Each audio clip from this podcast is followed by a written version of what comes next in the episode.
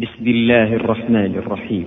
إذاعة طريق الإسلام على شبكة الإنترنت. تقدم لكم. إن الحمد لله تعالى نحمده ونستعين به ونستغفره ونعوذ بالله تعالى من شرور أنفسنا وسيئات أعمالنا. من يهد الله تعالى فلا مضل له ومن يضلل فلا هادي له. وأشهد أن لا إله إلا الله وحده لا شريك له. وأشهد أن محمدا عبده ورسوله. يا أيها الذين آمنوا اتقوا الله حق تقاته ولا تموتن إلا وأنتم مسلمون. يا أيها الناس اتقوا ربكم الذي خلقكم من نفس واحدة وخلق منها زوجها وبث منهما رجالا كثيرا ونساء. واتقوا الله الذي تساءلون به والأرحام. إن الله كان عليكم رقيبا. يا أيها الذين آمنوا اتقوا الله وقولوا قولا سديدا. يصلح لكم أعمالكم ويغفر لكم ذنوبكم. ومن يطع الله ورسوله فقد فاز فوزا عظيما. أما بعد فإن أصدق الحديث كتاب الله تعالى وأحسن الهدي هدي محمد صلى الله عليه وآله وسلم وشر الأمور محدثاتها وكل محدثة بدعة وكل بدعة ضلالة وكل ضلالة في النار. فقد ذكرنا في الجمعات الماضية ونحن نتكلم عن غزوة أحد. أن بعض الآيات تخللت سياق الغزوة وظن بعض الناس بادي الرأي أنه لا علاقة لها أو تساءل ما هي العلاقة بين هذه الآيات وبين الكلام عن غزوة أحد. منها قوله تعالى يا أيها الذين آمنوا لا تأكلوا الربا أضعافا مضاعفة واتقوا الله لعلكم تفلحون. إلى قوله تعالى ونعم أجر العاملين. وقد بينا في أكثر من خطبة أن هذه الآيات تدل على أن من يريد أن ينتصر على عدوه في الخارج فلا بد أن ينتصر داخليا أولا. المجتمع الذي تفشو فيه المناكير وتفشو فيه ما حرم الله عز وجل لا ينتصر على عدوه غالبا.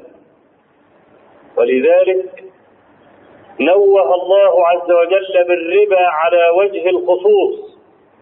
وكما قلت في الجمعة التي سبقت هذه أنا لا أعلم في دنيا الناس اليوم كبيرة فشت حتى تواطأ الناس عليها ودخلت كل بيت تقريبا إلا من رحم الله عز وجل هي جريمة الربا معصية الربا.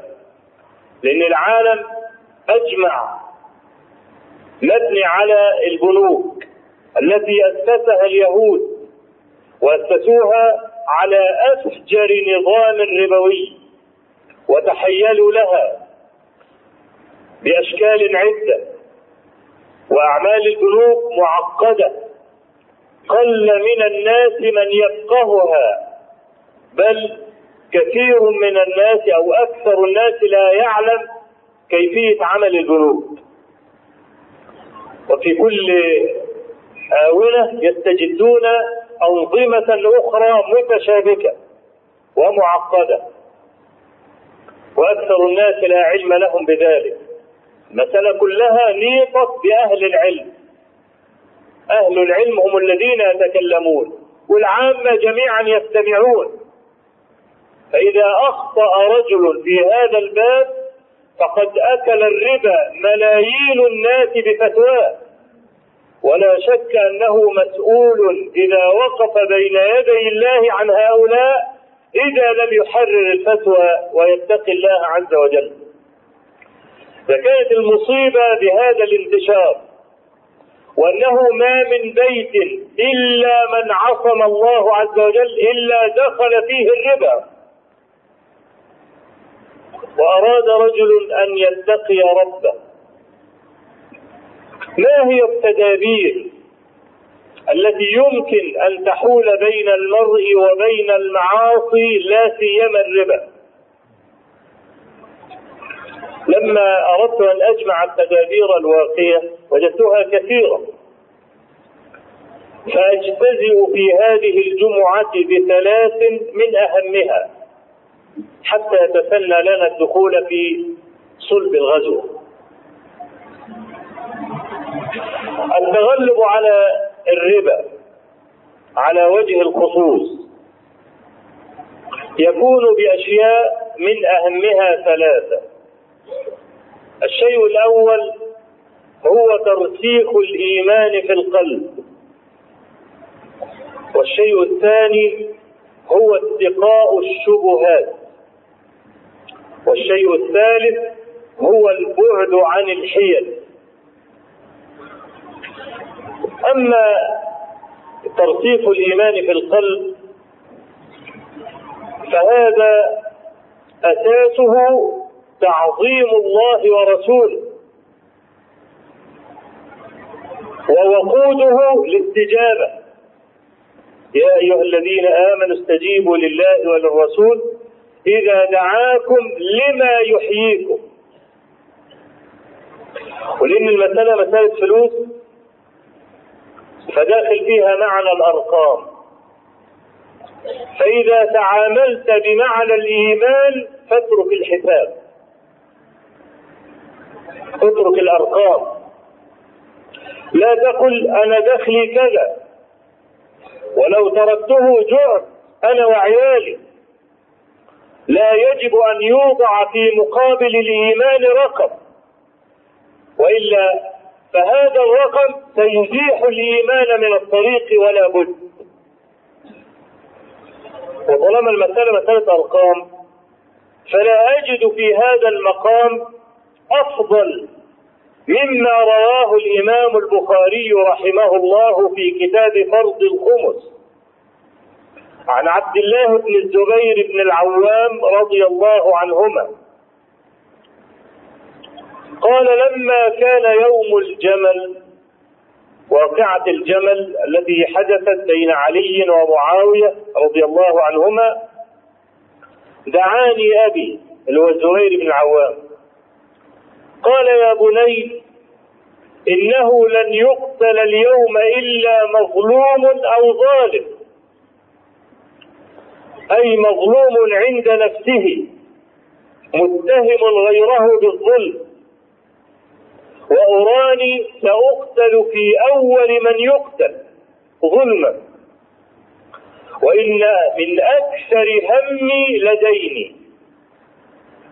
ترى أيسد الدين مالنا أجمع؟ كان الزبير بن العوام مدين بألفي ألف ومئتي ألف. اثنين مليون ومئتين ألف درهم. كيف جاء هذا الدين؟ بين عبد الله بن الزبير أن هذا الدين لم يكن اقتراضا من الزبير لحاجته. إنما كان الناس يضعون عنده الودائع. أمانات. اديله مئة ألف أمانة. فيقول الزبير إني أخشى عليها الضيعة تصرف تتلف. فاجعلها سلف اجعلها دينا علي. لأن الرجل إذا اؤتمن على أمانة ولم يقصر فضاعت لا يضمن. ليس هذا لا يلزمه أداء الأمانة. واحد اداله مئة ألف قال له دي أمانة عندك.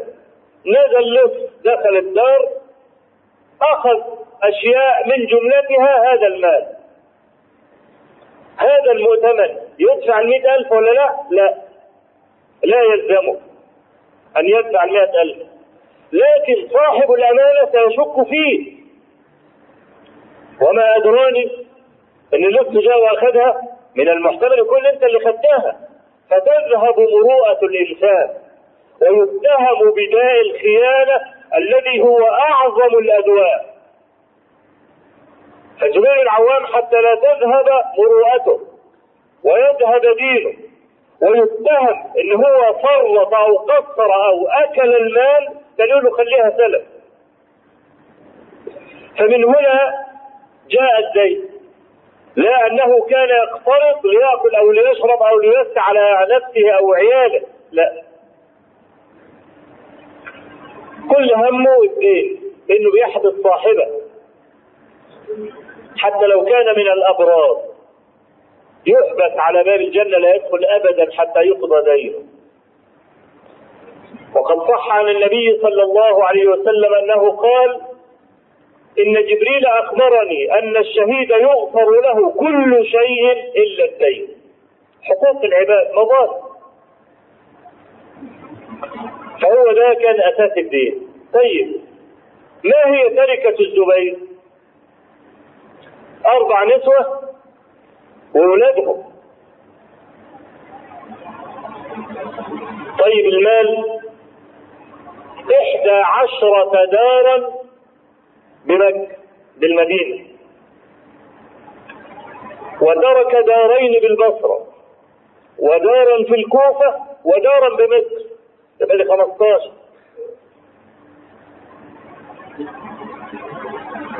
وقطعة أرض في مكان اسمه الغابة. لما تبيع 15 دار وقطعة أرض. سعرها يبقى كام؟ يزيد 2 مليون و200 ألف. قال الزبير لابنه إن عجزت أو وقعت في ضائقة فاستعن بمولاي. قال فقلت والله ما دريت من مولاه حتى قلت يا أبت من مولاه؟ قال الله. قال فما وقعت في ضائقة من دين الزبير. إلا استعنت بمولى الزبير ففرج. وأعان. لأن النسيج الاجتماعي آنذاك كان قويا. جاء حكيم بن حزام رضي الله عنه لعبد الله بن زبير بعد ما قتل الزبير. فقال له كم على أخي من الدين؟ قال الزبير قال عبد الله فكتمته. حد يقول الرقم الأساسي لأنه كبير. قال فقلت له مئة ألف. قال هذا كثير. وما أظن أن ما عندكم يفي. قال أرأيت إن كان ألفي ألف ومئتي ألف. قال ما أراكم تطيقون ذلك.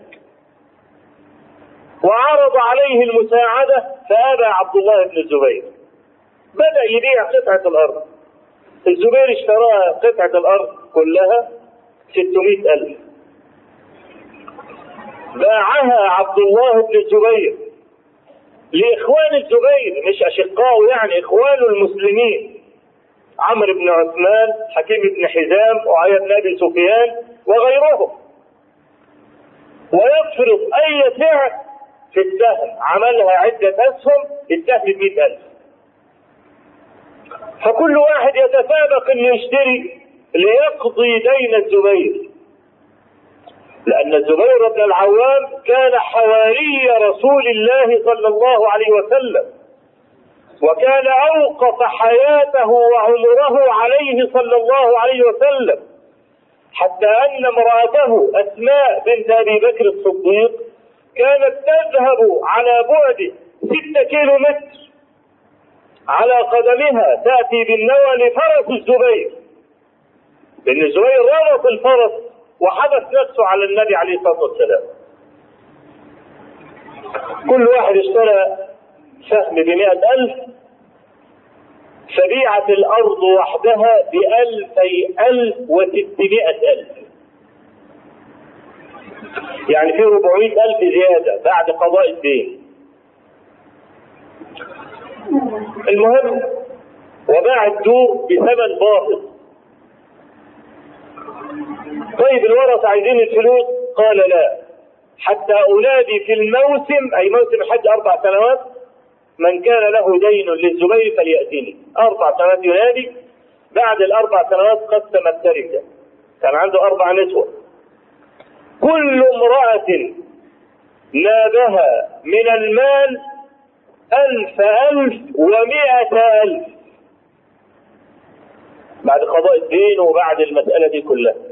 الإمام البخاري دور على هذا الحديث قال باب بركة الغازي في سبيل الله حيا وميتا مع النبي صلى الله عليه وسلم وولاة الأمر. عايز أي واحد مغرم بلغة الأرقام يحسب لي المسألة دي كيف أتت.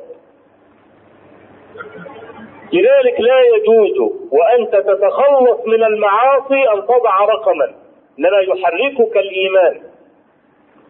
ونداء الله عز وجل إياك يا أيها الذين آمنوا اتقوا الله وذروا ما بقي من الربا إن كنتم مؤمنين. يبقى يا أيها الذين آمنوا وأمر بالتقوى وإن كنتم مؤمنين فذروا ما بقي من الربا لكم عند الناس. فترسيخ الإيمان في القلب هذا هو أهم شيء في الموضوع. وعليه يتفرع ما يأتي من الكلام. الحيل أصل الحيلة والاحتيال من مادة حول.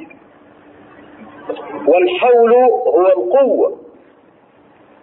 والحيلة أساسها سداد النظر والحذق والتأمل الجيد. يحتال أي ليفلت والحيلة دايما تكون في ورطة فالمتورط يحتال. كيف يخرج؟ والحيل كلها محرمة. والتي يقصد بها التوصل إلى باطل عن طريق المباح. إنما هناك أنواع من الحيل جائزة. لكن كلامنا على هذا النوع الأول طريق مباح يتوصل به إلى حرام بكل أسف وجد في كتب بعض أهل العلم لا سيما كتب الحنفية توسع شديد في مسألة الحيل. يعني مثلا رجل أقسم أن يجامع امرأته في نهار رمضان. هذا جائز ولا غير جائز؟ طبعا غير جائز. لا يحل له أن يفطر أن يفطر عمدا لا بجماع ولا بغيره. والمسألة دي فيها تشديد. فيعرض تعرض المسألة كده على واحد من أهل العلم. فيوم يحتال لهذا الجريء على حدود الله. فيقول خلاص سافر بها. وطبعا السفر لا يصوم الإنسان فيه. يبقى سقط عنك الصيام ووفيت باليمين. الفتوى دي صح الفتوى دي غلط ليه؟ لأن عندنا نصوص أخرى تعالج المسألة دي وتؤدب هذا الجريء من النصوص قول النبي صلى الله عليه وسلم من نذر أن يطيع الله فليطعه ومن نذر أن يعصي الله فلا يعصه. خلاص؟ فلا يحل له العصيان. والحديث الآخر من حلف على يمين فرأى خيرا منها فليكفر عن يمينه وليأتي التي هي خير. بل عندي مخلص شرعي. أنا حلفت وتورطت بالحلف. أكفر عن يميني لا نبحث عن حيلة. لأن اصل الحيلة استهزاء بدين الله عز وجل ولعب بالنصوص. أفكلما اجترى إنسان على حد من حدود الله أنا اللي افتح له السكة؟ وأنا اللي اعلمه كيف يحتاج لا. بل ينبغي أن يعاقب هذا بنقيض قصده والذين ابتكروا الحيل هم اليهود. لا ترتكبوا ما ارتكبت اليهود فتستحلوا محارم الله بأدنى الحيل. اليهود لهم معاصي لا آخر لها. قتلوا الأنبياء. حرفوا الكتب. أكلوا الربا. وبعدين احتالوا. احتالوا ليأكلوا السمك يوم يصطادوا السمك يوم السبت. عايز الإخوة يركزوا معايا. قتلوا الأنبياء. حرفوا الكتب. أكلوا الربا في طوام كثيرة. ثم أرادوا أن يأكلوا السمك يوم السبت والله عز وجل ابتلاهم بان السمك في يوم السبت ده بالذات يكثر جدا في الماء لدرجة إن السمكة ترفع راسها كده في الهواء. تأتيهم حيتانهم يوم سبتهم شرعا شرعا كل سمكة طالعة من المية كده. ويوم لا يثبتون لا تأتيهم يوم الحد ما فيش ولا سمكية في المية نعمل إيه؟ قال لك خلاص. نحفر حفرة جانبية بجانب النهر. بينهم ماسورة. تمام؟ نفتح الماسورة يوم الجمعة. السمك يدخل من الدرعة والبحر يدخل على الحفرة اللي إحنا حفرينها نقوم قافلين عليه ونصطاد يوم السبت. الآن نحن نصطاد من البحر ادي إحنا بنصطاد من الحفرة بتاعتنا ما الذي جرى لهم؟ قيل لهم كونوا قردة. ما حدث مسخ إلا لما احتالوا بقول لك قتلوا الأنبياء ما مسخوا. أكلوا الربا ما مسخوا. حرفوا الكتاب ما مسخوا. فلما احتالوا مسخوا. لأن الاحتيال يدل على استهزاء. وهذا قدر زائد على الجريمة. كان ممكن يجرم في حق الله عز وجل بسبب اتباع هواه. وبعد الجريمة يندم المعصية ويفضل ندمان ويعزم على إنه لا يفعل وبعدين يظهر فيعصي الله عز وجل وبعدين يندم إلى آخره. إنما المحتال يتلاعب بدين الله عز وجل فهذا ليس مجرما فقط هذا جرمه مركب. لذلك كانت العقوبة مضاعفة. الحيلة هذه إنما يلفت الشيطان في عقول الخلق والشيطان وما أدراك ما الشيطان تصور أنه أقسم لآدم عليه السلام أنه له من الناصحين. فكيف كان نصحه؟ أخرجه من جنة الخلد. وأقسم أنه ناصح. وهذا لآدم عليه السلام. فماذا قال في حقنا نحن؟ قال فبعزتك لأغوينهم أجمعين. فإذا كان لما نصح طلعه من جنة الخلد. طب لما بارزك أنت بالعداوة أقسم أن يعاديك. ماذا يفعل فيك؟ نصحه. كانت النتيجة بره الجنة. فكيف بعداوته؟ فباب الحيل باب فتحه الشيطان توصل بطريق مباح إلى فعل حرام. زي المثال اللي إحنا ضربناه. السفر مباح ولا حرام؟ السفر السفر مباح. فهذا هو الطريق. طب أنت لما سلكت الطريق المباح ده عايز تعمل من وراه إيه يجامع امراته في نهار رمضان. هذا جائز لا. يبقى سلك طريقا مباحا لتحصيل حرام. هذا لا شك في حرمته. وما أفتى عالم به وهو يقرأ قول النبي صلى الله عليه وسلم إنما الأعمال بالنيات وإنما لكل امرئ ما نوى. يأتي من يستدل. يقول لك الحيله عموما جائزه أيوب عليه السلام لما ضرب امرأته بإفتاء الله عز وجل له. أليست هذه حيلة؟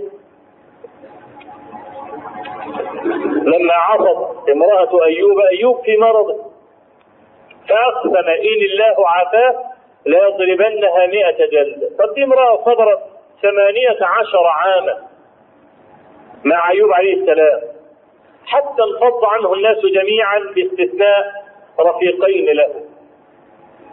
وأنت عارف الإنسان إذا طال به البلاء بيرخص. آهاته لا تهز القلوب. توجعاته لا تهز القلوب. ليه طال مرضه. بخلاف أول الأمر. إذا اشتكى الكل يقف ويجري بيه على الأطباء ويروح وينزل ويلطفوه ويلاعبوه ويضحكوه ويسامرونه ويسهرون الليل معه فإذا طال مرضه خف. 18 سنه امرأة تقف على خدمته تجلد 100 جلدة بعد 18 سنة خدمة بدرجة امتياز. فالله عز وجل أفتاه. قال وخذ بيدك ضغثا فاضرب به ولا تحنث. إنا وجدناه صابرا نعم العبد إنه أواب. والدليل على أن هذه القصة لا مجال فيها للحيل أن الذين يفتون بالحيل يقولون إذا أقسم رجل أن يضرب رجلا عشرة جلدات مثلا فلا يجزئه أن يأتي بعشرة عيدان ويضربه مرة واحدة. يقولون هذا لا يجزئه. لم يوفي. بل لابد أن يضربه عشر جلدات طيب أيوب عليه السلام أقسم أن يضربها مئة ضربة. ضربها مرة واحدة. وفى ولا لا؟ وفى. لأن الله عز وجل هو الذي أفتاه.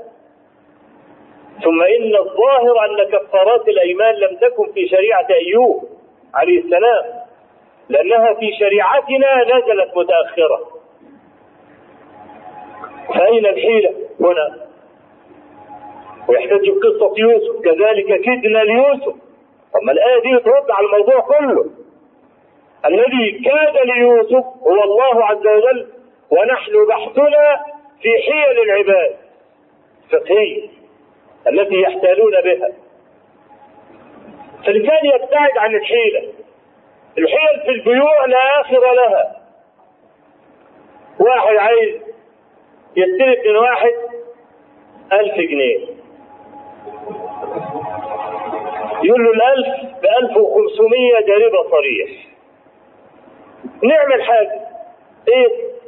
قال له اتفضل. أدي 900 تمام؟ وسأبيعك هذا الثوب ب 600 600 و900 1500 طب الثوب ده ب 100 درهم.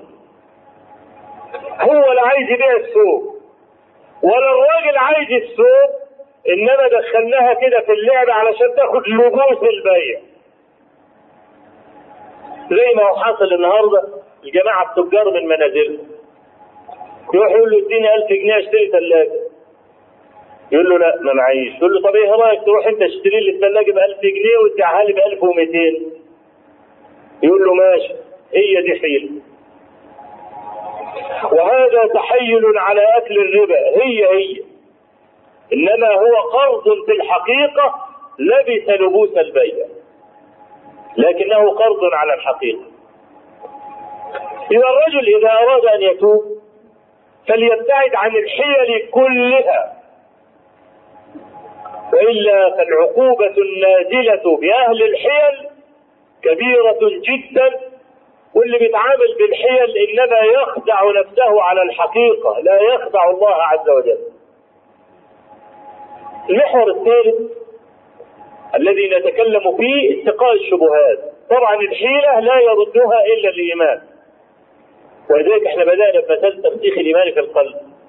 كل شيء بعد ذلك فرع على هذا الأصل العظيم. ترسيخ الإيمان في القلب كل كلام يأتي بعد ذلك ينفع إذا كان القلب سليما وكان الإيمان قويا. البعد عن الحيلة ده أصل من الأصول ومن التدابير الواقية من الربا وغيره. اتقاء الشبهات أصل الشبهة ما تشابه فيه شيئان بحيث لا يستطيع المرء أن يميز بينهما. النبي عليه الصلاة والسلام قال في حديث النعمان بن بشير في الصحيحين وغيرهما حلال بين والحرام بين وبينهما أمور مشتبهات لا يعلمهن كثير من الناس. في روايه البخاري قال صلى الله عليه وسلم فمن ترك ما اشتبه عليه من الإثم كان لما استبان أترك. كلام واضح. رجل دي شبهة. قال لك شبهة لا. زي مسألة الذهب. اللي إحنا قلناها في المرة الماضية. يروح يغير ذهب من المحل يقول له الذهب ده بكام؟ ب 10000 طيب خلي فلوسك معاك. تشتري ذهب ده بكام؟ ب 11000 اتفضل أدي 1000 جنيه. هذا ربا صريح. وكل الناس يوقعونه سواء كان بائع الذهب أو المشتري.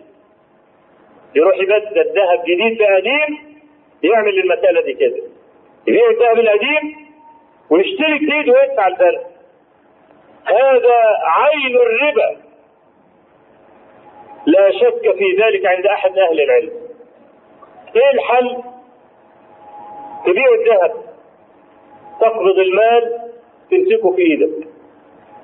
وبعدين تشتري وبعدين تدفع. إيه الفرق؟ البيعة الأولى تمت وانفصلت والبيعة الثانية تمت أيضا منفصلة عن البيعة الأولى. كده يبقى ما فيش ربا. خلاص؟ واحد يقول ما هو الفرق؟ يعني في الدرج الراجل أو في جيبي ما هو الفرق؟ فيحصل له شبهة في المسألة دي. ليه؟ لم يتميز البيع من الربا عنده. فحصل مثل هذا التشابه.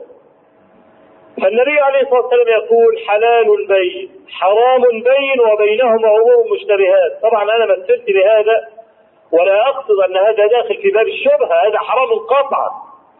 لكن أردت أن أبين ما اشتبه عند الناس. وبينهما امور مشتبهات لا يعلمهن كثير من الناس. فمن اتقى الشبهات فقد استبرأ لدينه ولعرضه. ألا وإن لكل ملك حمى. ألا وإن حمى الله محارمه. ألا وإن في الجسد مضغة. إن صلحت صلح سائر الجسد وإن فسدت فسد سائر الجسد. ألا وهي القلب اللي هو محل الإيمان.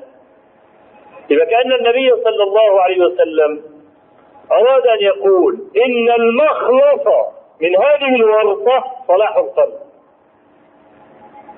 حلال البين المحض حرام البين المحض شبهة. فالعلماء قالوا ما كان أصله الحل لا يزول حله بالشك.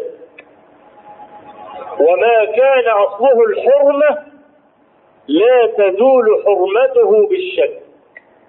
يبقى الأمر المختلف فيه والذي سنبينه بعد جلسة الاستراحة أقول قولي هذا وأستغفر الله العظيم لي ولكم.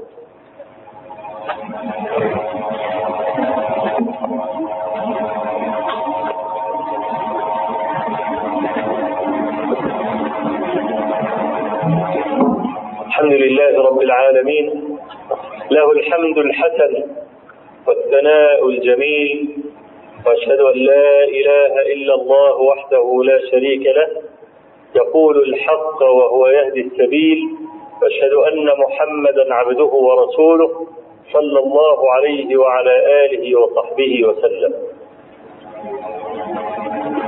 اصله الحلم لا يزول بالشك. كحديث عبد الله بن زيد لما قال له يا رسول الله الرجل يجد شيئا في بطنه. أشبه بالريح. ولا يدري أحدث أم لا.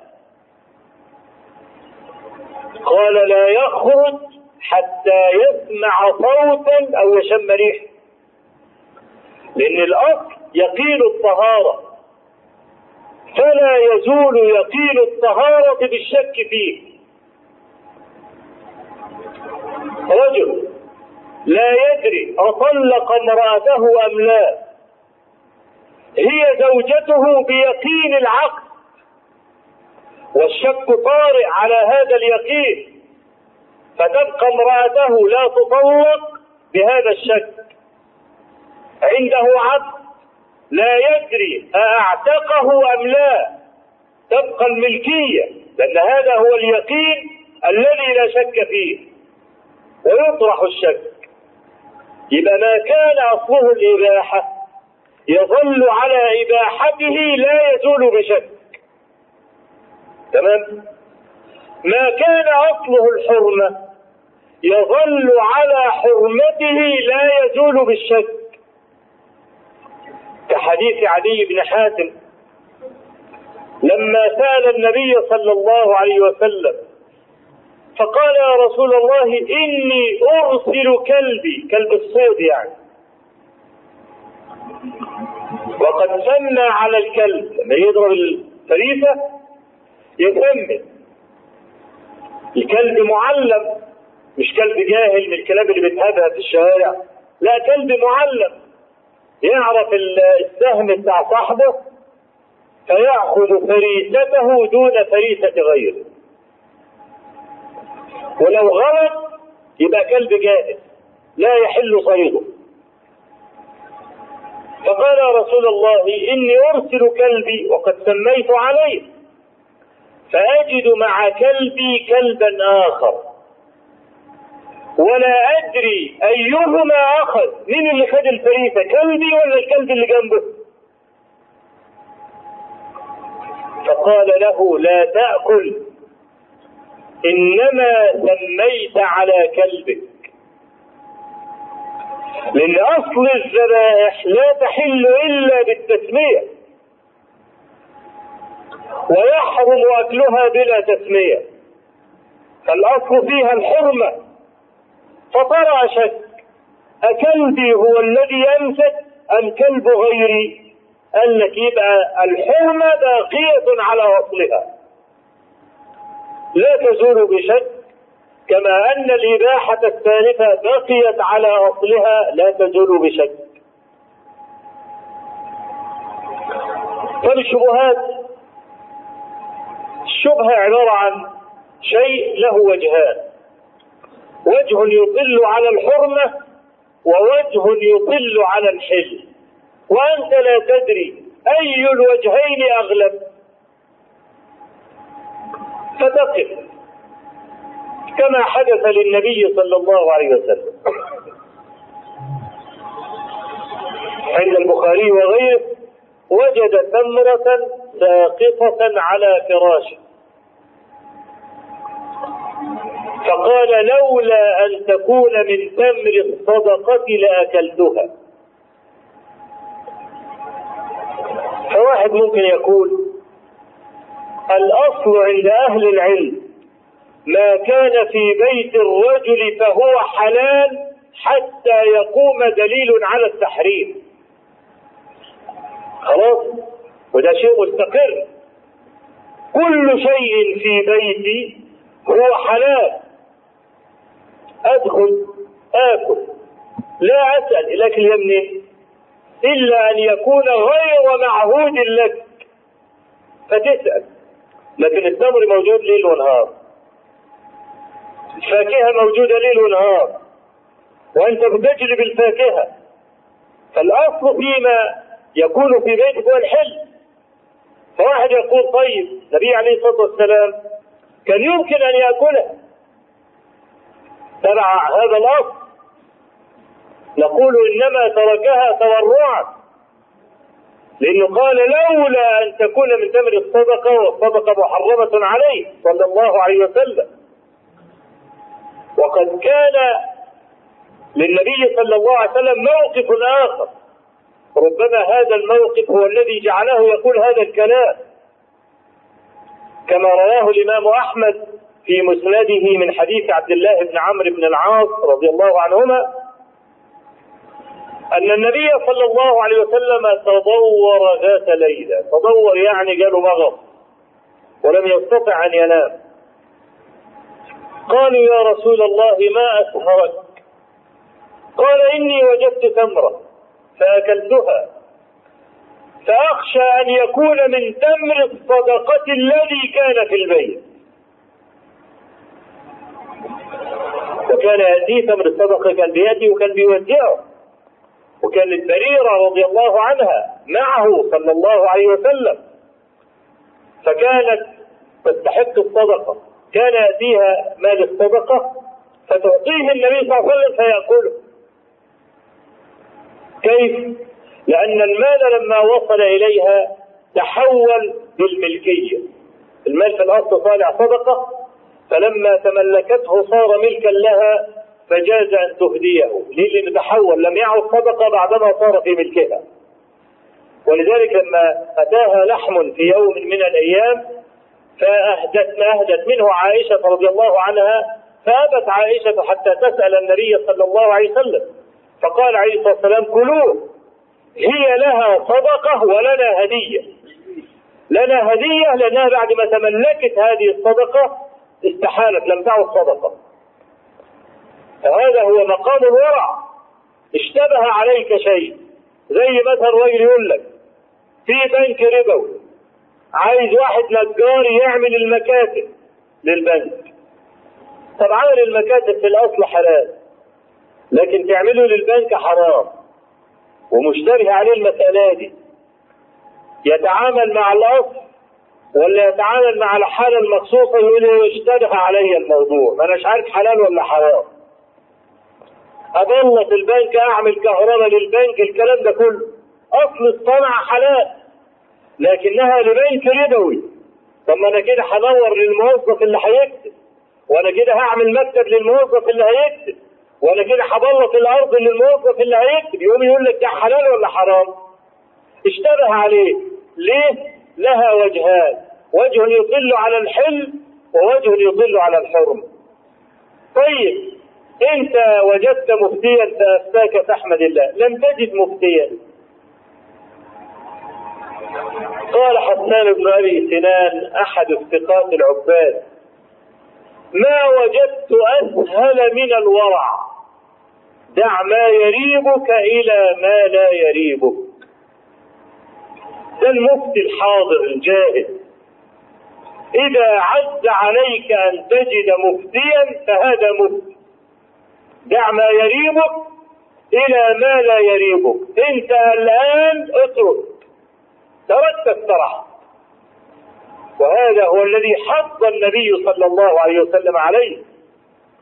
قال فمن اتقى الشبهات فقد استبرأ لدينه ولعرضه.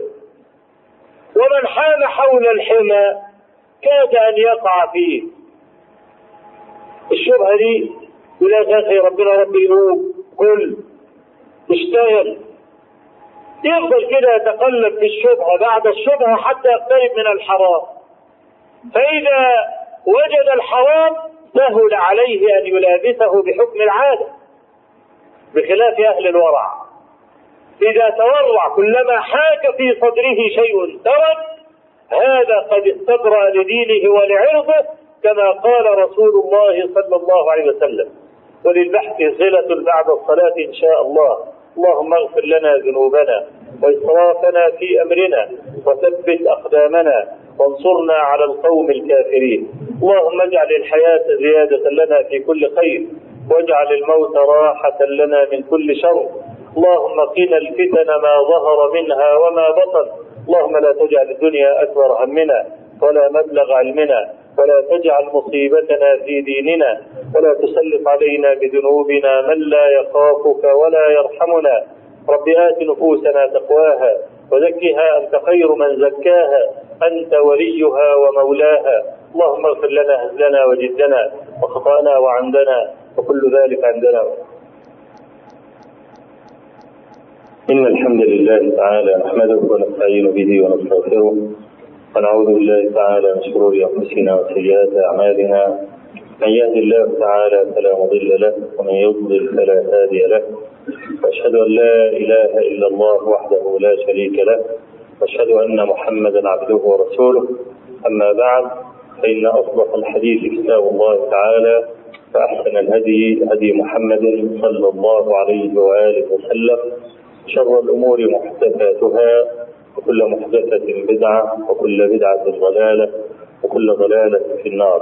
اللهم صل على محمد وعلى آل محمد كما صليت على إبراهيم وعلى آل إبراهيم في العالمين إنك حميد مجيد. وبارك على محمد وعلى آل محمد كما باركت على إبراهيم وعلى آل إبراهيم في العالمين إنك حميد مجيد.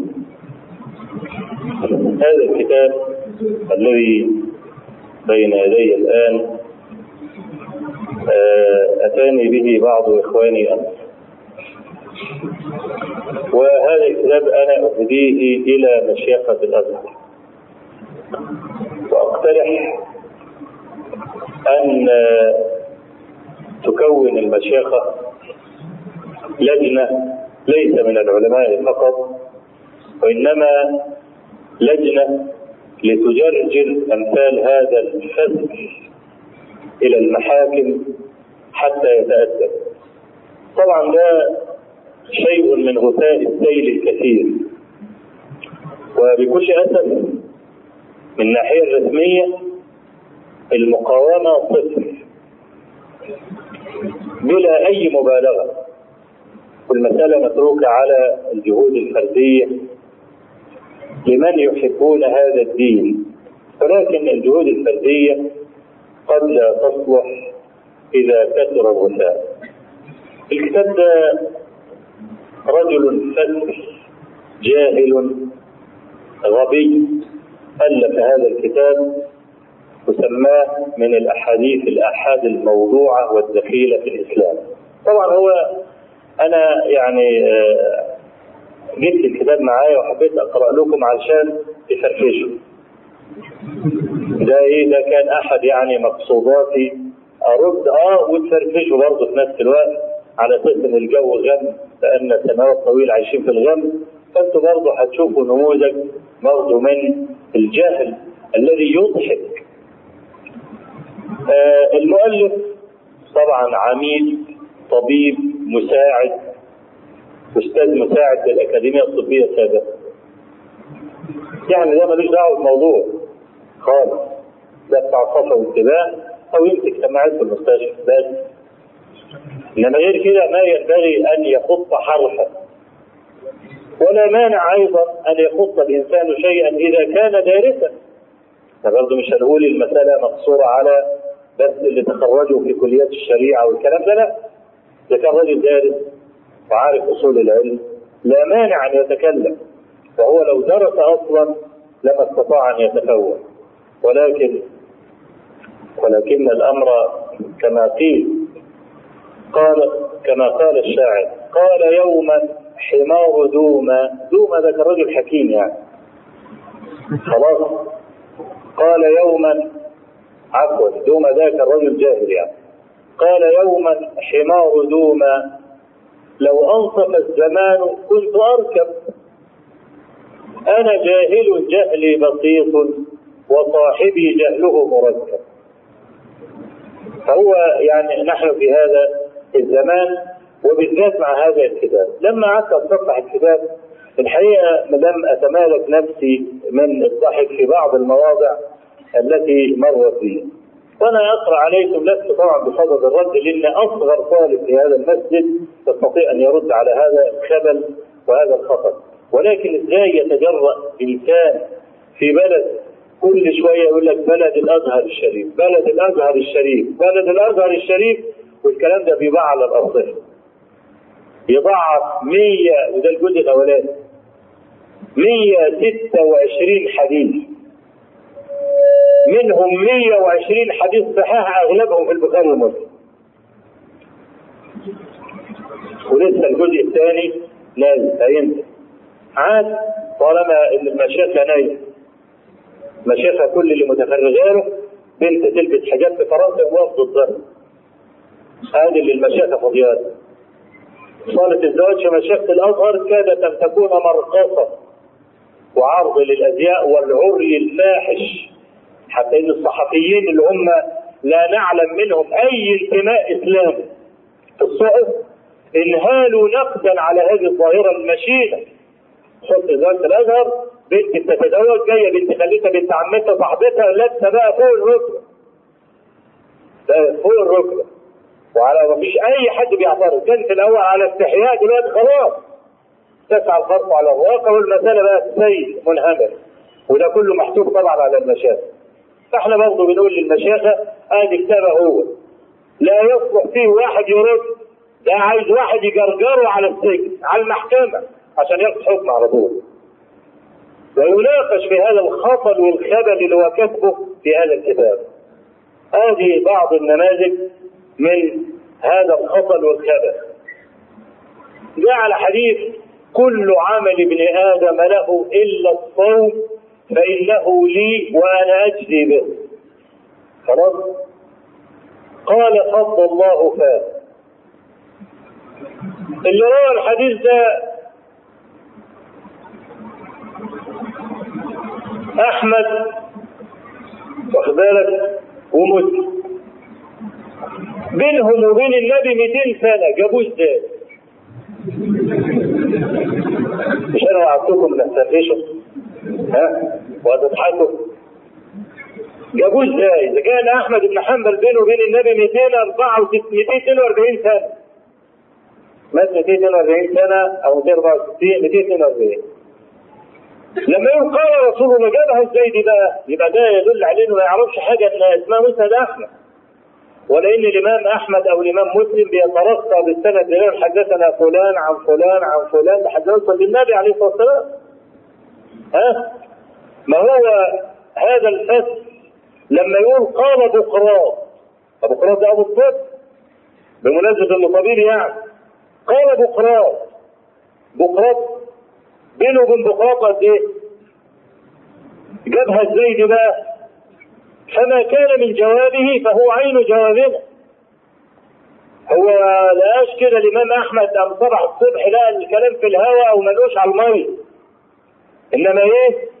أخذه عن شيخي وشيخ شوف يعني الابجديات إحنا عاملين يعني بنقول الكلام ده لكن شوف ده راجل بيخاطب أم لكن متصور إن الناس كلها جهل صم بكم عم. فبيكتب بقى على أساس إن بقى بنات أفكاره ويطلعها بقى لنا علشان خاطر فيقول لك ده جابوها منين؟ دي نمرة واحد، نمرة اثنين روى الحديث أبو هريرة. اختلف في اسمه على عشرين قول. ومش عارفين له لا وفاة تاريخ وفاة ولا تاريخ ميلاد. فأبو هريرة مشكوك فيه. يعني ممكن ما يكونش فيه أبو هريرة. طالما اختلفوا باسمه يبقى مش موجود. أصلا طبعا ده يعني لو لو أرى أي حاجة كده عن مواليد الناس اللي في الجاهلية والكلام يعرف ان أغلب الناس مختلف في مواليدهم وأغلب الناس مختلف في أنسابها واسمائها يبقى اذا أي واحد يختلف في اسمه يبقى مش موجود. يبقى ده مدعاة الشك في وجوده أصلا. فإذا كان أبو هريرة مشكوك في روايته يبقى مين اللي جابها؟ مين اللي بلغها لنا بقى؟ يبقى كان الشخص نفسه عين الشخص المتكلم مشكوك فيه طبعا يبقى الكلام اللي قاله ملوش وجود برضه. خلاص. قال لك بالإضافة لأن القرآن ربنا سبحانه وتعالى عمره ما قال في القرآن أنا. عمره. ما قال في القرآن أنا. زي الحديث الباطل ده وما طول الصوم لي وأنا أجزي به. ويقول لم ترد في القرآن اطلاقا. يا حافظ. حافظ. ما اراش بقى نبئ عبادي إنني أنا الغفور الرحيم. ما اراش ابدا دي ولا مرت عليه ولا القرآن. هي القرآن اللي ربنا نزله على محمد صلى الله عليه وسلم. لكن لا ما ما فيش ما عندوش الكلام ده. ولما قال إنني أنا الله لا إله إلا أنا مرتين أهو. كمان. واخد بالك؟ والقرآن فيه حوالي سبع ثمان آيات فيها أنا ده بقى دول الحديث ده علامة إن الحديث موضوع شو بقول لك إيه؟ بقول لك سابعة. لم يأتي في القرآن كلام الله كلام عن الله سبحانه وهو جل شأنه يقول عن نفسه أنا إطلاقا. ها؟ كما ورد في هذا الحديث الموضوع. تمام كده؟ وبعدين بعدها على طول جاب حديث برضه موضوع عن الصيام جنة. فإذا كان يوم صوم أحدكم فلا يرفث ولا يسخط ولا يجهل فإن شتمه أحد أو سابه أو قاتله فليقل إني صائم مرتين. رواه أحمد والنسائي. ده اللي أنا بحثت عنه بقى. الحديث ده. بص بقى بقول لك إيه. معلش أنا نسيت أجيب النظارة يقول وباطن الحديث الموضوع الدخيل الذي سيعذب به الناس يوم القيامة لعدم اتباعهم القرآن.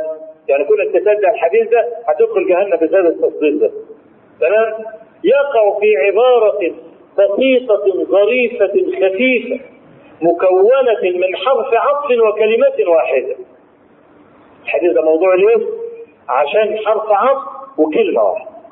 وهيدخلوا كلكم جهنم بسبب لكم مصدقين الصيام جنة فإذا كان يوم صوم أحدكم فلا يرفث ولا وإن قاتله أحد فليكن للنصاب. يقول ألا وهي عبارة لا ألا وهي عبارة أو قاتله. يقول فالمسلم يجب أن يرد على القتال الموجه عليه بقتال. والقتال في شهر رمضان غير محرم شرعا يا سادة ونحن يا سادة انتصرنا في حرب رمضان ها؟ ولو كان هذا الحديث صحيحا لكان حرام علينا أن نقاتل في شهر رمضان. فالحديث موضوع يا سادة وبالله التوفيق. تخيل تخيل بني آدم بيكتب هذا الكلام فهم ضحل إلى هذا الحد. يمكن أن يكتب كتاب في بلد الأزهر الشريف. وده على ارصفه ولا يحاكم ده ما يتقدمش. طبعا ما أنا قلت قبل كده وأنا بتكلم عن مجلة الحوادث. بقول المجلات دي هي التي نشرت الجريمة في المجتمع. صفحات الحوادث في الجرائد هي التي نشرت الجرائم في المجتمع. ليه؟ اللي بيجيبوا الحوادث تفصيلية. ولا اتبع ابوه لك إزاي دخل له وإزاي استخبى وراه وإزاي كتفه وإزاي ذبحه وإزاي فصل إيده عن رجله عن ودنه عن عينه عن بتاعه والكلام ده ثلاث أربع صفحات. أنا عايز أفهم يا دعاة الإصلاح والناس اللي بيتكلموا في الإصلاح ما هي الفائدة إن أنا أعرض في جريدة قتل أصل؟ قولوا لي نفسي أفهم. بقالي عشر سنين بقول نفسي أفهم. واحد زنى بامرأة جاري واحد شرب خمر وقتل جاره. أنا عايز أفهم يعني ما هي الفائدة من نشر مثل هذا؟ الفسق والفجرة بيعتمد إن المجتمع كله بقى سرخان كله قتل وشرب خمر والكلام ده فيغريه هذا بالشر. يطلع الولد بقى أبوه مش راضي يديله مصروف يفتكر بقى الواد اللي قطع أبوه 16 كيلو يكيف أبوه. واخد بالك؟ ويفتح امه خلاص عنده الفكرة إزاي بقى أعرف اقتله وازاي أنا اكتفه وازاي استخباله والكلام كذلك تكذيب السنة. تعالوا بيكذبوا السنة. ويطلع الجاهل ده؟ مفيش أجهل من هذا البني آدم. يمكن اللي قبل كده لما كان بيعترض على الحديث آه بيجيب قول ضعيف موجود في الكتب بتاع بيعتمد على أصل ضعيف بنتعب شوية على ما نرد عليه. نقول واحد اثنين ثلاثة أربعة خمسة وده مش عارف إيه وده إيه؟ بنتعب ليه؟ لأنه كلام برضه إيه؟ يعني ظاهره إنه محترم شوية فيوم تكالب هؤلاء على الطعن على السنة. أغرى هذا الفسق إنه يخرج من الجحر بتاعه ويكتب كتاب زي ده. 120 حديث صحيح اغلبها صحيح البخاري ومسلم. عمال يعالجها بالنظام. النبي عليه الصلاة والسلام يقول شتمه أو قاتله فليقل الانسان يقول لي الحديث ده موضوع بدليل إن إحنا تصرف حرب رمضان. هذا الدليل. ولو رجع لأي كتاب لأي قاموس يعرف أو قاتله أي هم بالقتال العادية اللي ممكن واحد يضرب واحد. لاش علاقة بالقتال ولا ضرب الرقاب ولا الكلام وبعدين هنا بقول لك الاسلام عزيز. لا يبيح أي حد يعتدي عليك تديه شيء أنا بديله ولا ليه؟ هو الاسلام كده برضه؟ ولا خذ العفو وأمر بالمعروف واعرض عن الجاهلين. وكل ما يجي يرد عليه يقول لك ادعو إلى سبيل ربك بالحكمة والموعظة الحسنة. مش كده؟ لا اللي بيقولها ليل نهار. كل ما نيجي نقول إن في شدة على المخالف وإن الشدة ده اصل من اصول الإسلام يقول لك لا ادعو إلى سبيل ربك بالحكمة والموعظة الحسنة. هو هنا عمال يقول لك لا الإسلام الإسلام عزيز. تضربه قلم يضربك قلم يضربه قلمين يديك صفحة كده. عشان الاسلام عزيز وبتاع ومش حد بقى ينام على الضيف آدي ادي ادي معالجه لحديث. موضوع ليه؟ علشان المعنى اللي هو أبرز. الحديث اللي بعديه ما أنا ما يعني اقصد فرفشكم يعني اعرفكم بقى كيف إلى أي شيء آل الحال. الهوان وصل بنا إلى هذا الحد. يقول لك حديث عن الكبائر السبع الإشراك بالله حقوق الوالدين قتل النفس اليمين الغموس قال لك الحديث ده موضوع ليه؟ قال لك كلمة غموس لم ترد في القرآن قرأ الراجل اللي واخد على الغموس ها؟ مش علاقة بالغموس غموس ليه؟ بيبقى موضوع ليه؟ أصل لم يرد في القرآن غموس يبقى كده حديث إنما الأعمال بالنيات موضوع لأن النيات ما وردتش في القرآن. ها؟ وخد بقى مر على كل الأحاديث وبص في المعجم اللغوي وبص كمان في معجم القرآن الكريم لو مش حافظ وأي حديث في كلمة ما وردتش في القرآن يحكم عليه بالوضع أهو حديث صار أهو علشان خاطر العلة اللي في قلب هذا البني آدم. يقول الحديث اللي بعديه والذي نفس محمد بيده والذي نفسي بالله خلوف فم الصائم أطيب عند الله من ريح المسجد. قال لك هذا حديث موضوع. ليه؟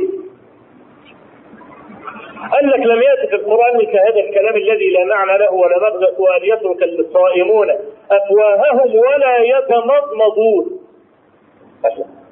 طب هو المضمضة وردت أصلا؟ هو المسلم ده مش بيصلي في رمضان ولا بيقعد يبلط في الخمر؟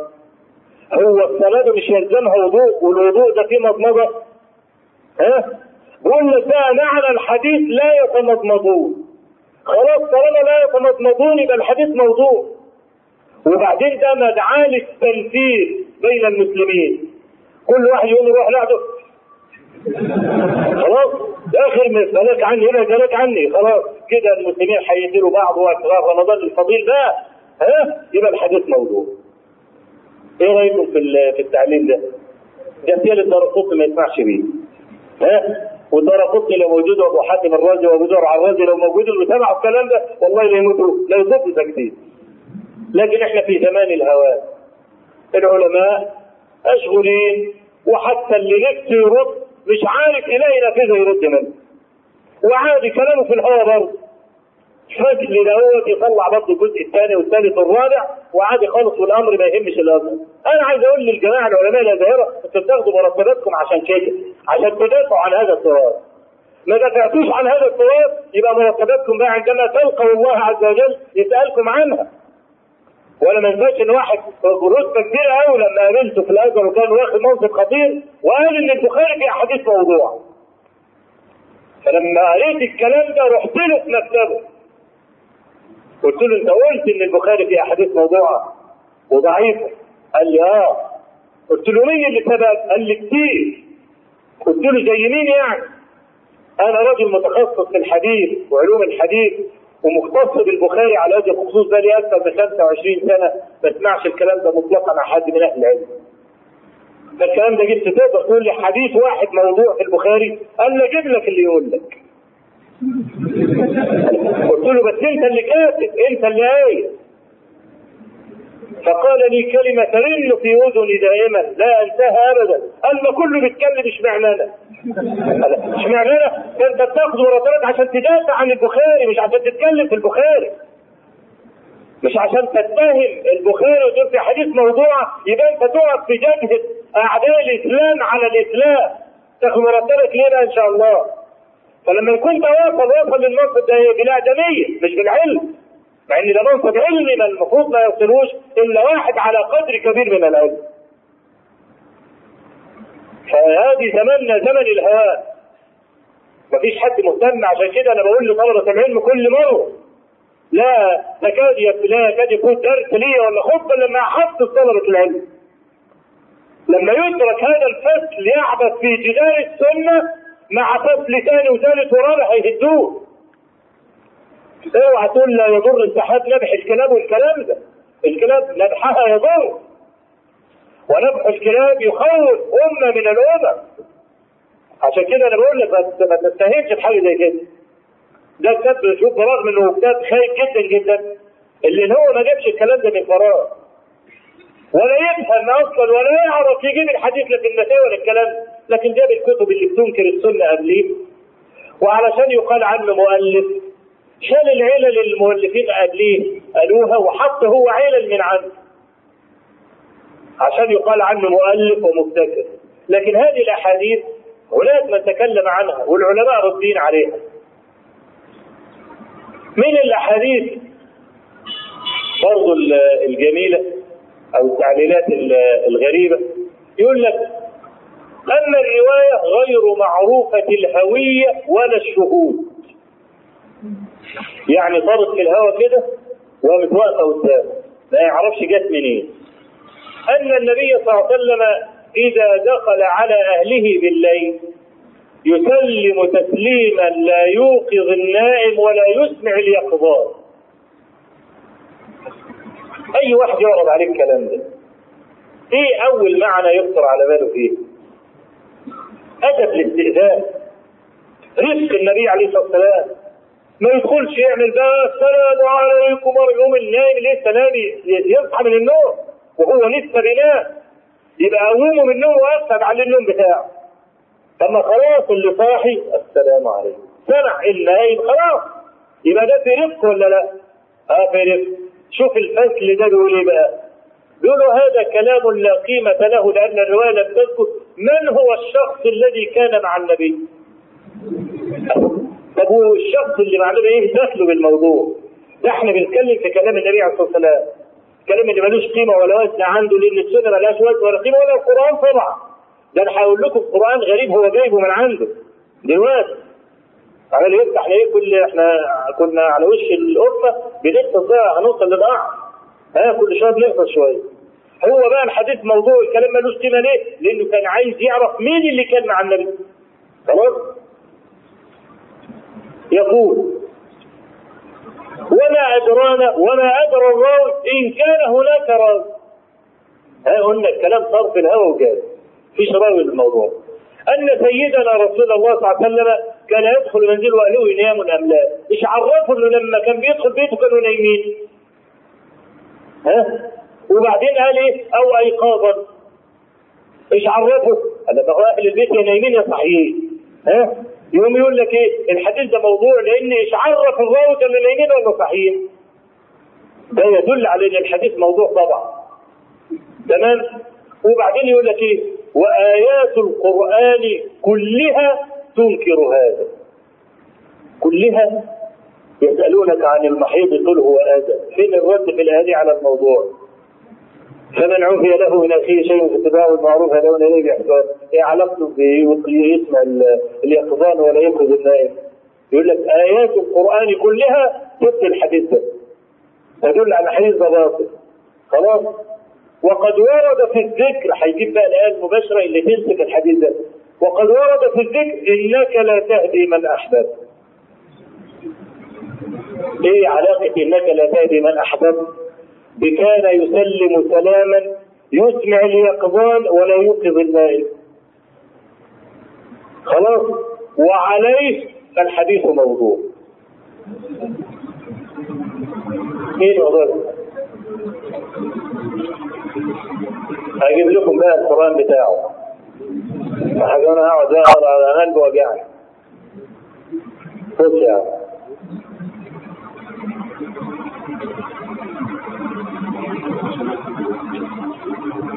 آه. حاجة كويسة. بقول لك إيه؟ جاء عن البخاري عن أبي هريرة أن النبي صلى الله عليه وسلم قال والله لا يؤمن ثلاث مرات من لا يأمن جاره بوائقه هذا الحديث موضوع لأنني لم أجد كلمة بوائق في القرآن. وبحثت عنها في المعجم الوسيط والمعجم الوجيز اصدار مجمع اللغة العربية. ولم اجد ده كافي في إن الحديث موضوع. خلاص؟ يقول لك إيه بقى هنا؟ حديث غير معروف الهوية ولا الاسم أن فلانة كانت تؤذي جيرانها بلسانها فذكروها للنبي صلى الله عليه وسلم قال هي في النار. تمام كده؟ قال لك الحديث ده موضوع. إزاي بقى تدخل النار وهي مسلمة موحدة؟ تدخل النار في هرة. بالإضافة أن في القرآن ما يعارضه قال الله عز وجل الذين يجتنبون فواحش الإثم إلا اللمم إن الله واسع المغفرة. طبعا مش ده القرآن الذي نزل على رسول الله صلى الله عليه وسلم ده قرآنه هو. ها؟ تجدون في القرآن الذين يجتنبون فواحش الإثم؟ ولا كبائر الإثم والفواحش إلا اللمم إن ربك واسع المغفرة. القرآن نفسه مش عارف يميله صح مش عارف يراه وده بيزعم إنه قرآني ويقول إن النبي صلى الله عليه وسلم لم يكلمه الله عز وجل. فكل الأحاديث القدسية باطلة مش حاجة اسمها قدسي خالص. لا يوجد إلا القرآن فقط. فقط.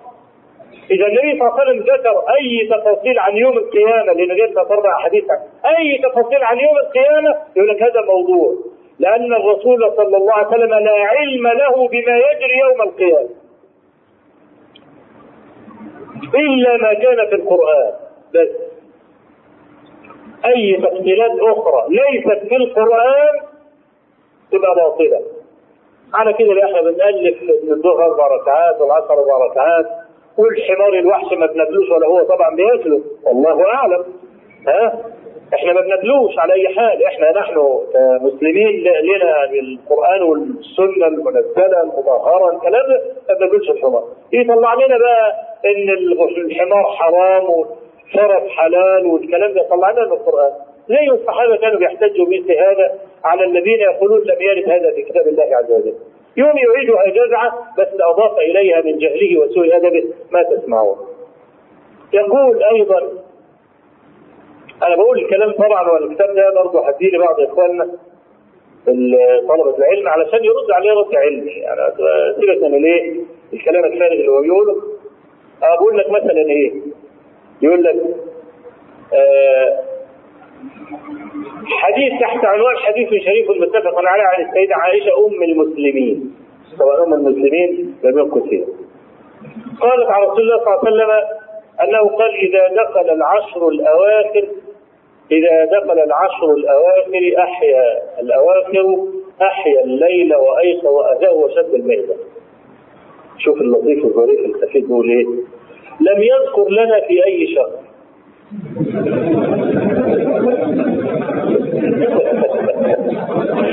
يا اخوانا حاجة عجيبة والله. حاجة عجيبة. العشر الأواخر لو انتهى العيل ماشي في الشارع ها؟ لا يقول لك لا شوال ولا ذو الحجة ولا الكلام ده. إحنا عندنا العشر الأوائل والعشر الأوائل. أول ما تقول العشر الأوائل يقول لك ذو الحجة العشر الأوائل داخل رمضان. هو بقى قال لك لم يذكر أي شهر خلاص؟ وبعدين قال لك بالإضافة لأن ليس هناك حديث صحيح يدل على أن ليلة القدر ليس هناك شيء في القرآن يدل على أن ليلة القدر في العشر الأواخر ولا إن العشر الأواخر مختصة بالاعتكاف. خلاص. بل يجوز له أن يعتكف من أول رمضان ويجوز أن ليلة القدر تكون في أول رمضان. لأن الله عز وجل قال إنا أنزلناه في ليلة القدر وما أدراك ما ليلة القدر. أنا ما عرفتها لكش وما أدراك ما ليلة القدر. خلاص. فإحنا كمان بنقول له أنت يا ورور لما بتقول يعتكف من أول رمضان هو ده في القرآن؟ الاعتكاف في رمضان أصلا. ورد في القرآن؟ ولا الاعتكاف ورد ولا تباشروهن وأنتم عاكفون في المساجد. خلاص كلام مطلق أهو. ها؟ متى نويت الاعتكاف؟ حرم عليك اتيان اهلك في رمضان ولا غيره؟ فهو لما يقول بل يجوز الاعتكاف من أول رمضان طب جابها منين دي وليست في القرآن؟ لما يعين يقول حاجة يقول. حتى العشر الأواخر مش عارف من أنا شهر كان الحقيقة في أشياء يعني غريبة جدا وكثيرة. وكما قلت أغلبها في صحيح البخاري ومسلم. فده يا اخوانا نوع من الخلل ومن أعظم الخلل الذي هجمنا بسببه أمام أعدائنا من القردة والخنازير. أن يترك أمثال هذا الفصل ليتكلم ويمسك بقلم لو كان في هيئة لكبار العلماء زي هيئة الرفق بالحيوان هيئة الرفق بالحيوان لها دور إيجابي في حماية الحيوان أكثر من هيئة كبار العلماء إذا كانت موجودة في حماية الدين. والكلام ده أنا بقوله وأنا واثق منه وأجزم به. أي هيئة أي نقابة لها دور وبتحمي المنتسبين إليه. وبتحمي العلم اللي هي منتسبة إليه. لكن هذا لا حمى له. سنة ملهاش حمى. بخاري ولا مسلم ولا أحمد ولا غيره له حمى. فانا عايز أعرف ما وظيفة الأزهر؟ اذا كان الزخم ده بيطلع.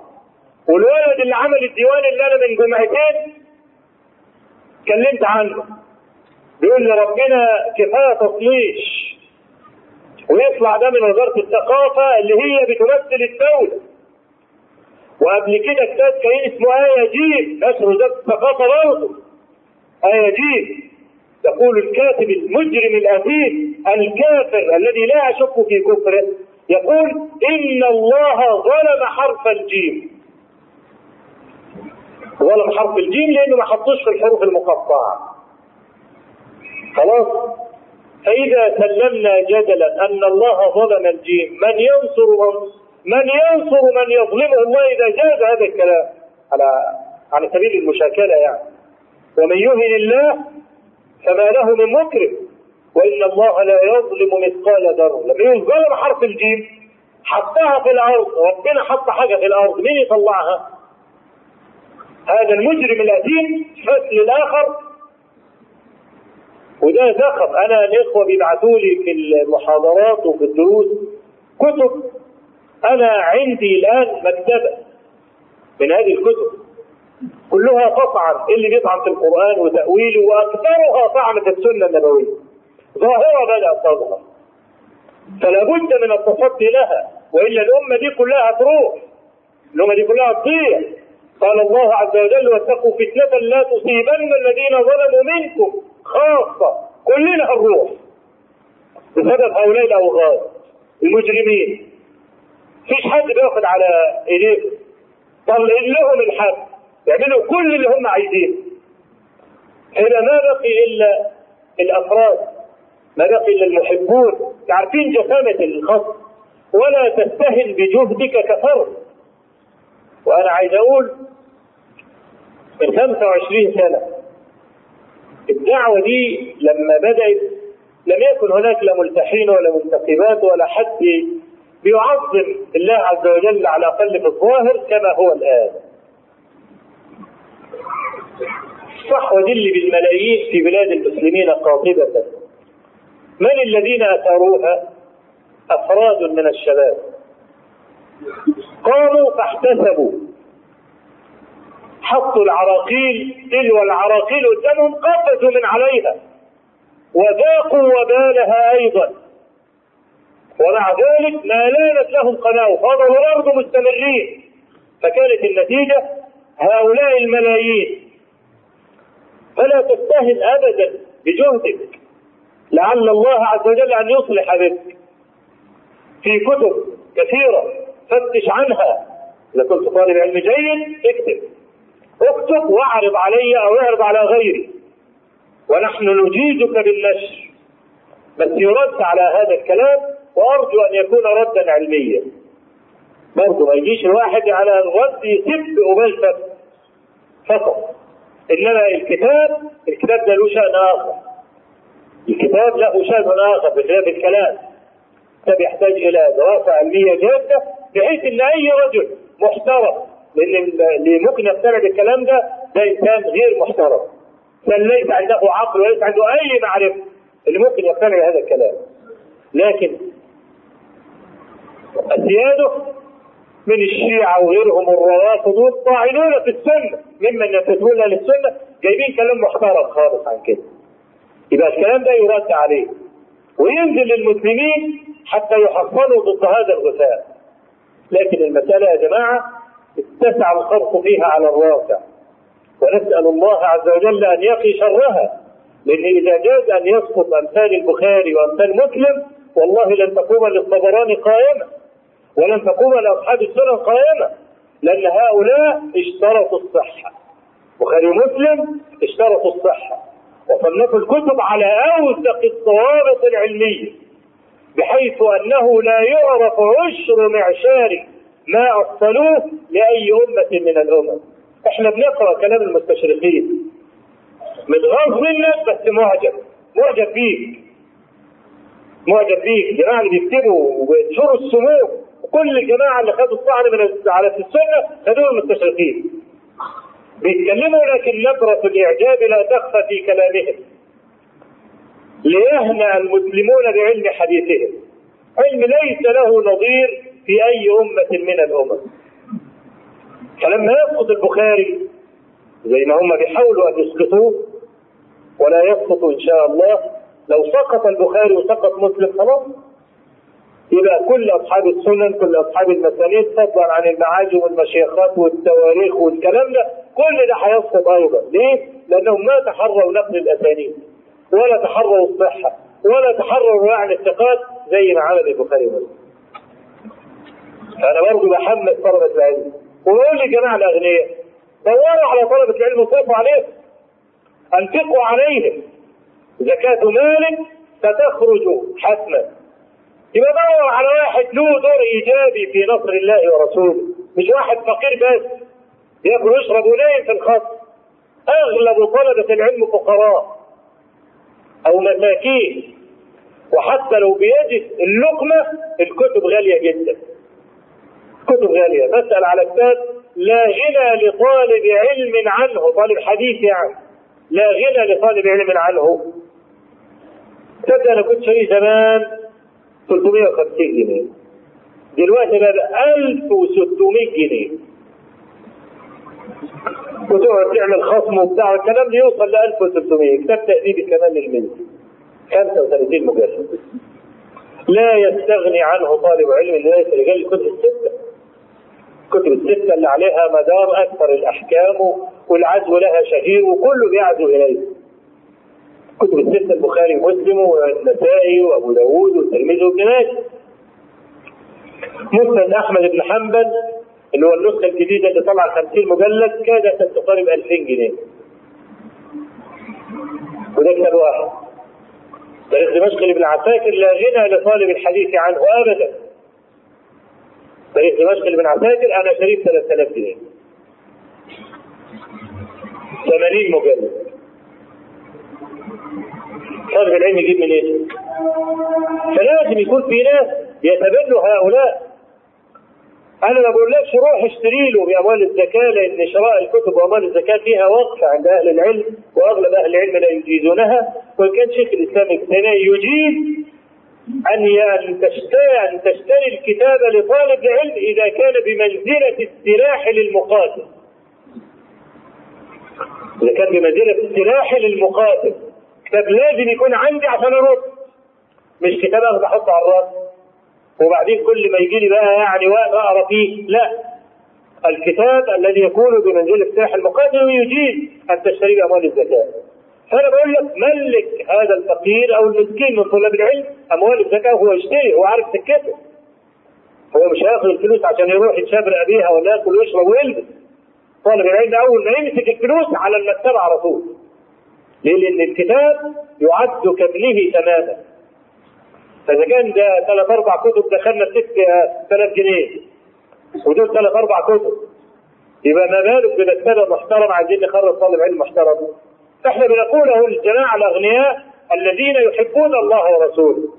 استثمروا أموالكم زي ما انت. إذا عرض عليك بضاعة واحدة تكسب 10 جنيه واحدة تكسب 50 تاخد ام 50 على طول. ما تاخدش ام 10 رغم انه مكسب برضه. لكنه قليل. فأنا بقول لك وانت بتنفق دور برضه على الأجر الأكبر. واحد فقير بياكل ويشرب ومبلط في الخط وواحد فقير بياكل ويشرب لكنه يدب عن الله ورسوله. طالب علم. يبقى لما تدي دهوت انت أكثر أجرا من هذا إن شاء الله. ليه؟ لأن خيرك متعدد. تدي الكتاب يقرأ فيه يستفيد معلومة يا بيعلم المسلمين يا بيرد على أعداء المسلمين.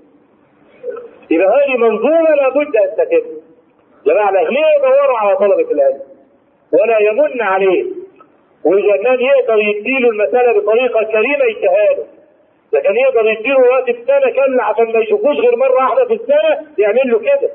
مش كل شوية يروح كل شهر يقول له المبلغ كمان لا احفظ عليه ماء وجه تقدر المساله كلها أعمل هذا.